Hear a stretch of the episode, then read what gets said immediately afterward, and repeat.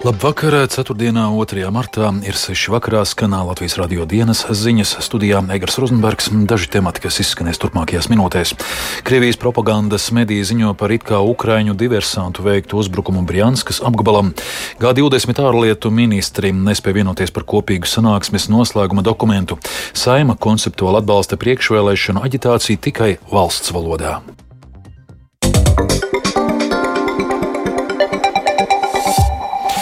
Krievijas propagandas medijas šodien vēsta par it kā ukraiņu diversantu īstenotu uzbrukumu vismaz vienam ciematam Krievijas Brianskas apgabalā netālu no robežas ar Ukrainu. Ap notikušo Krievijā ir daudz neskaidrību. Tikmēr Ukrainas prezidenta kancelēja pavēstījusi, ka ir īstenota Krievijas provokācija. Turpina Rihards Plūme. Šorīt Krievijas propagandas medijos sāka parādīties dažādas pretrunīgas ziņas par it kā notiekošo ukraiņu diversantu uzbrukumu vairākos ciemos Brianskas apgabalā. Brianskas apgabals dienvidos robežojas ar Ukrainas ziemeļiem, bet rietumos ar Baltkrieviju. Brianskas apgabala gubernators Aleksandrs Bogomas sacīja, ka apgabala teritorijā no Ukrainas šodien it kā iekļuvuši diversijas un izlūkošanas grupa 50 cilvēku sastāvā. Krievijas propagandas mediji, atsaucoties uz avotiem, ziņoja par it kā sagrābtiem ķīlniekiem, cilvēkiem, skolas autobusu, arī nogalinātiem un ievainotiem civiliedzīvotājiem. Telegram lietotnē tika izplatīts video materiāls, kurā redzamas divas militārajās formās tērptas personas, kas pie Ļubečanas ciema medicīnas un zemdību ēkas. Video publicējas Krievijas brīvprātīgo korpus, kas ir 2022. gada augustā izveidota Krievu brīvprātīgo vienība, kura karo Ukrainas pusē. Video redzamās personas norāda, ka iekļuvušas apgabalā, lai aicinātu Krievijas iedzīvotājus sacelties un stāvēt stāties pretī Krievijas prezidenta režīmam. Personas apgalvo, ka neuzbruk civiliedzīvotājiem un mediju atspoguļojums par diversantu grupu ir meli. Nav ziņu par to, vai video nav inscenēts un cik patiesa ir tajā paustā informācija. Vairāka Krievijas propagandas mediji vēstīja, ka tikusi sasaukta drošības padomes ārkārtas sēde, taču oficiāla apstiprinājuma tam nav. Krievijas prezidenta Vladimira Putina preses sekretārs Dmitrijs Peskovs sacīja, ka šāda sēde plānota nevis šodien, bet rīt. Vēlāk Putinu citēja propagandas mediji, norādot, ka Kremļa saimnieks notiekošo Brianskas apgabalā nodēvējis par terora aktu, kurā it kā piedalījušies neonacisti. Ukrainas prezidenta biroja vadītāja padomnieks Mihailo Podaļaks ziņas par Ukraiņu sabotāžas grupējumu, kas it kā iekļuvis Brianskas apgabalā, nosauca par klasisku provokāciju.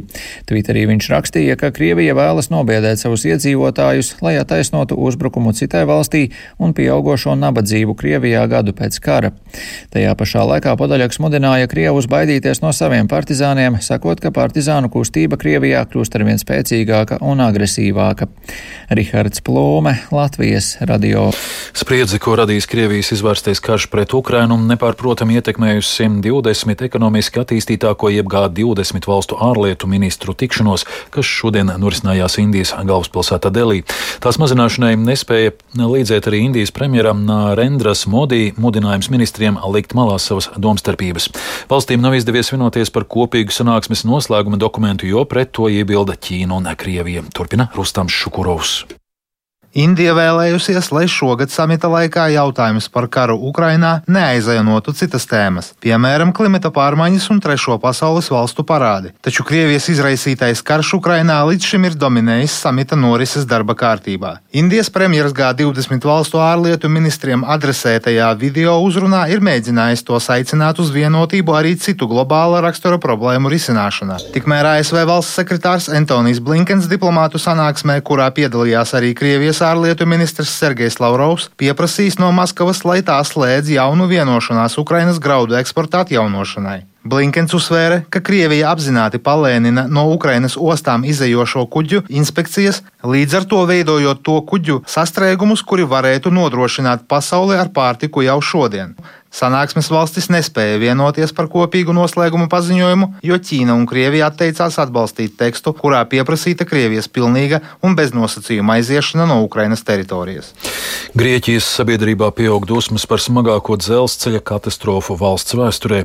Jaunākie dati liecina, ka bojā gājuši vismaz 42 cilvēki, daudzi no viņiem jaunieši. Grieķijas premjeras pavēstījis, ka traģēdijā visticamāk ir vainojama cilvēka kļūda. Savukārt par atkāpšanos paziņojis transporta ministrs. Jaunāko ko apkopojas mūsu Briseles korespondents Arķums Konohovs.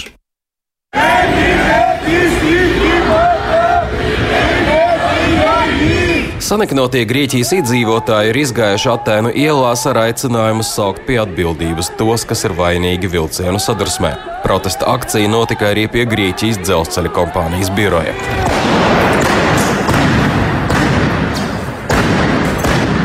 Daļa protestu pārvērtās sadursmēs ar kārtības sargiem, tad ar policiju pielietoja asaru gāzi.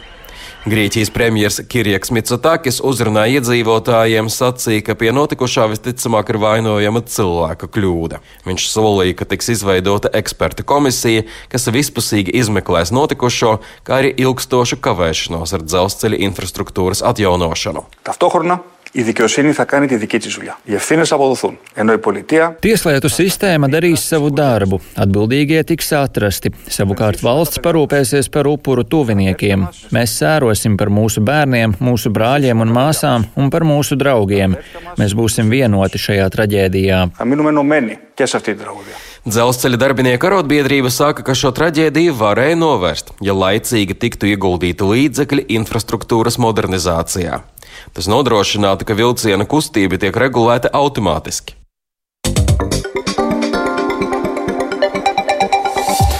Pašmājās uz priekšu virzās jautājums par priekšvēlēšanu aģitāciju galvenokārt valsts valodā. Saima šādas likuma grozījumus atbalstījusi pirmajā lasījumā. Paredzēts, ka tie attieksies gan uz priekšvēlēšanu aģitācijas materiāliem, gan aģitāciju medijos, bet ne uz politisko spēku mājaslapām. Turpina Jānis Kīncis. Centieni apmaksātu priekšvēlēšanu aģitāciju pieļaut tikai latviešu valodā bijuši jau iepriekšējos saimnes sasaukumos. Pirms trīs gadiem šo ideju attīstībai par neatbalstīja, uzskatot, ka tā norobežo vēlētāju daļas iespējas iepazīties ar kandidātu teikto. Pašlaik viens no būtiskākajiem argumentiem šo grozījumu virzībai ir fakts, ka dažus gadus saimā ievēlētajiem politiskiem spēkiem būtiski pieaudzis finansējums no valsts budžeta.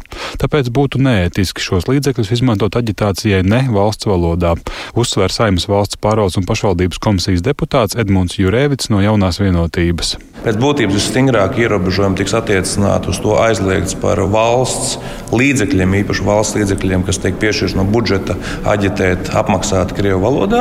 Tiks arī ierobežoti arī dažādas citas aģitācijas formas. Protams, tas neatiecās uz individuālu deputātu kandidātu komunikāciju vēlētājiem. Ar likuma grozījumiem rosināts noteikt, ka prasība par valsts valodas lietošanu attiecas uz aģitācijas materiāliem raidošajos medijos un presē, kā arī reklāmām publiskās vietās.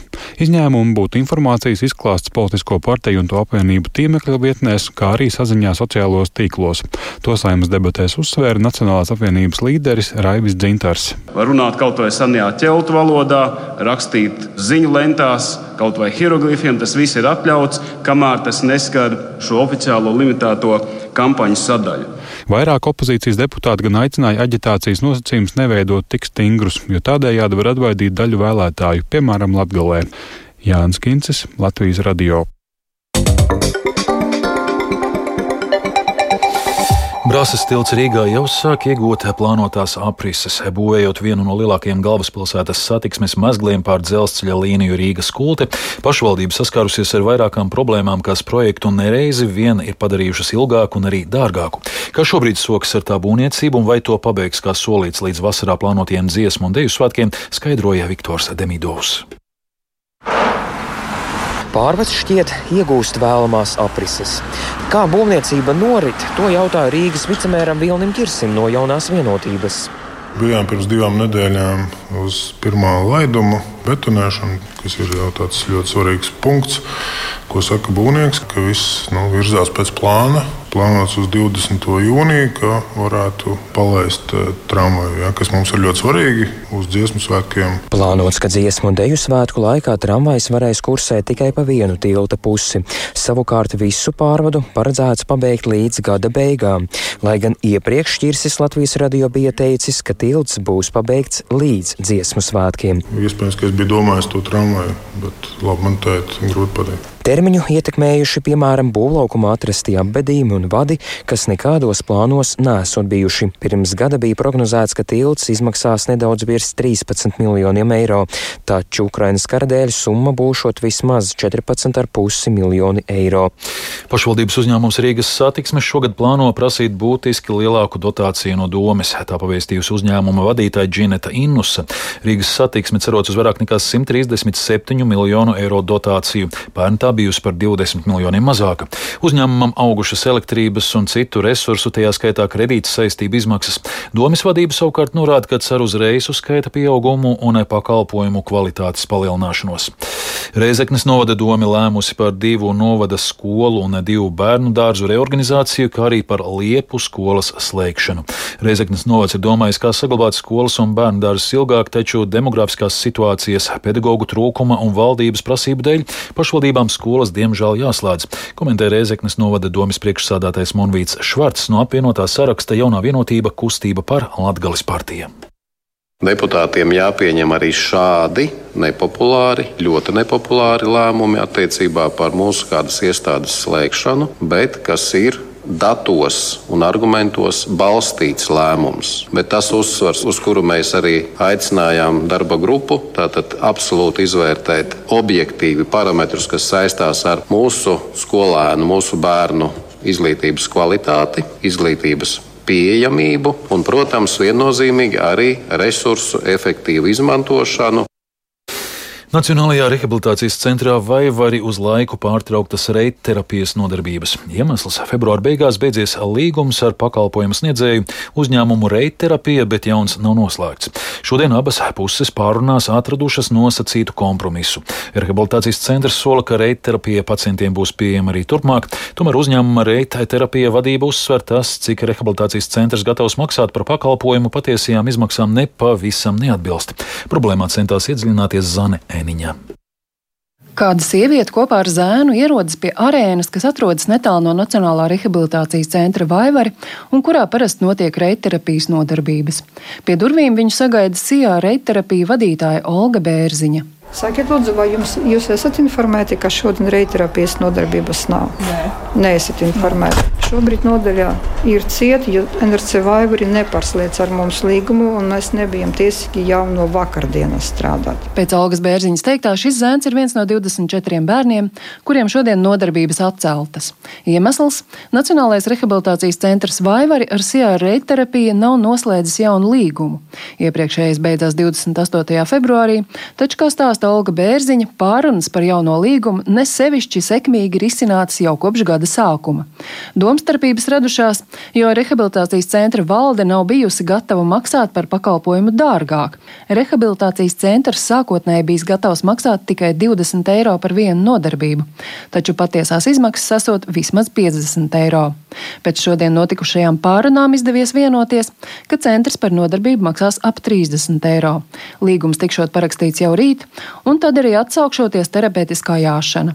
Zana Eniņa, Latvijas radio. Nacionālās hokeja līgas maiņas darījumā Teodors Bļūgers no Pitsburgas Pingvīns šorīt aizmainīts uz Lasvegasas Golden Knights komandu, kas šobrīd ir klusā okeāna divīzijas līdervienība. Lai gan aizkulisēs baumoja par iespējamo Bļūgera aizmainīšanu, šāds darījums tomēr vērtējams kā samērā negaidīts. Lasvegasas kluba galvenais treneris Brūss Kesidijs uzreiz pēc darījuma pavēstīja, ka saredz Bļūgerā labu pastiprinājumu komandas ceturtajai maiņai.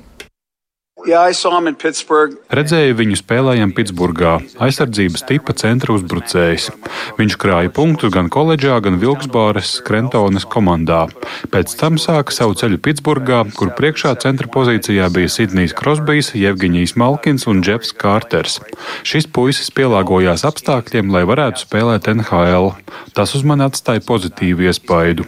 Bļugers mums noteikti palīdzēs. Viņš ir labs iemetienos un viņa rādītāji aizsardzībā ir izcili. Tāpat ir iekrājis dažus rezultatīvitātes punktus. Uzbrukumā viņa devums var būt lielāks nekā līdz šim šajā sezonā. Uzskatu, ka viņš lieliski iederēsies mūsu ceturtajā maiņā. Man patīk šis papildinājums. Izskan Latvijas radio dienas ziņas producents Edgars Kupčs, ierakstus montēja Renārs Šteimanis, par labskaņu rūpējās Rite Kārniņša studijā, Egars Rozenbergs vēlreiz īsumā par svarīgāko. Krievijas propagandas mediji ziņo par it kā Ukraiņu diversantu veiktu uzbrukumu Brjanskas apgabalā. G20 ārlietu ministri nespēja vienoties par kopīgu sanāksmes noslēguma dokumentu. Saima konceptuāli atbalsta priekšvēlēšanu aģitāciju tikai valsts valodā.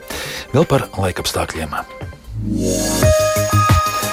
Rīgā šobrīd plus 5 grādi lēns ziemeļa rietumu vējš, atmosfēras spiediens 764 mm, relatīvais gaisa mitrums 58%. Kāds laiks gaidāms turpmāk, prognozēja Ilze Golubeva.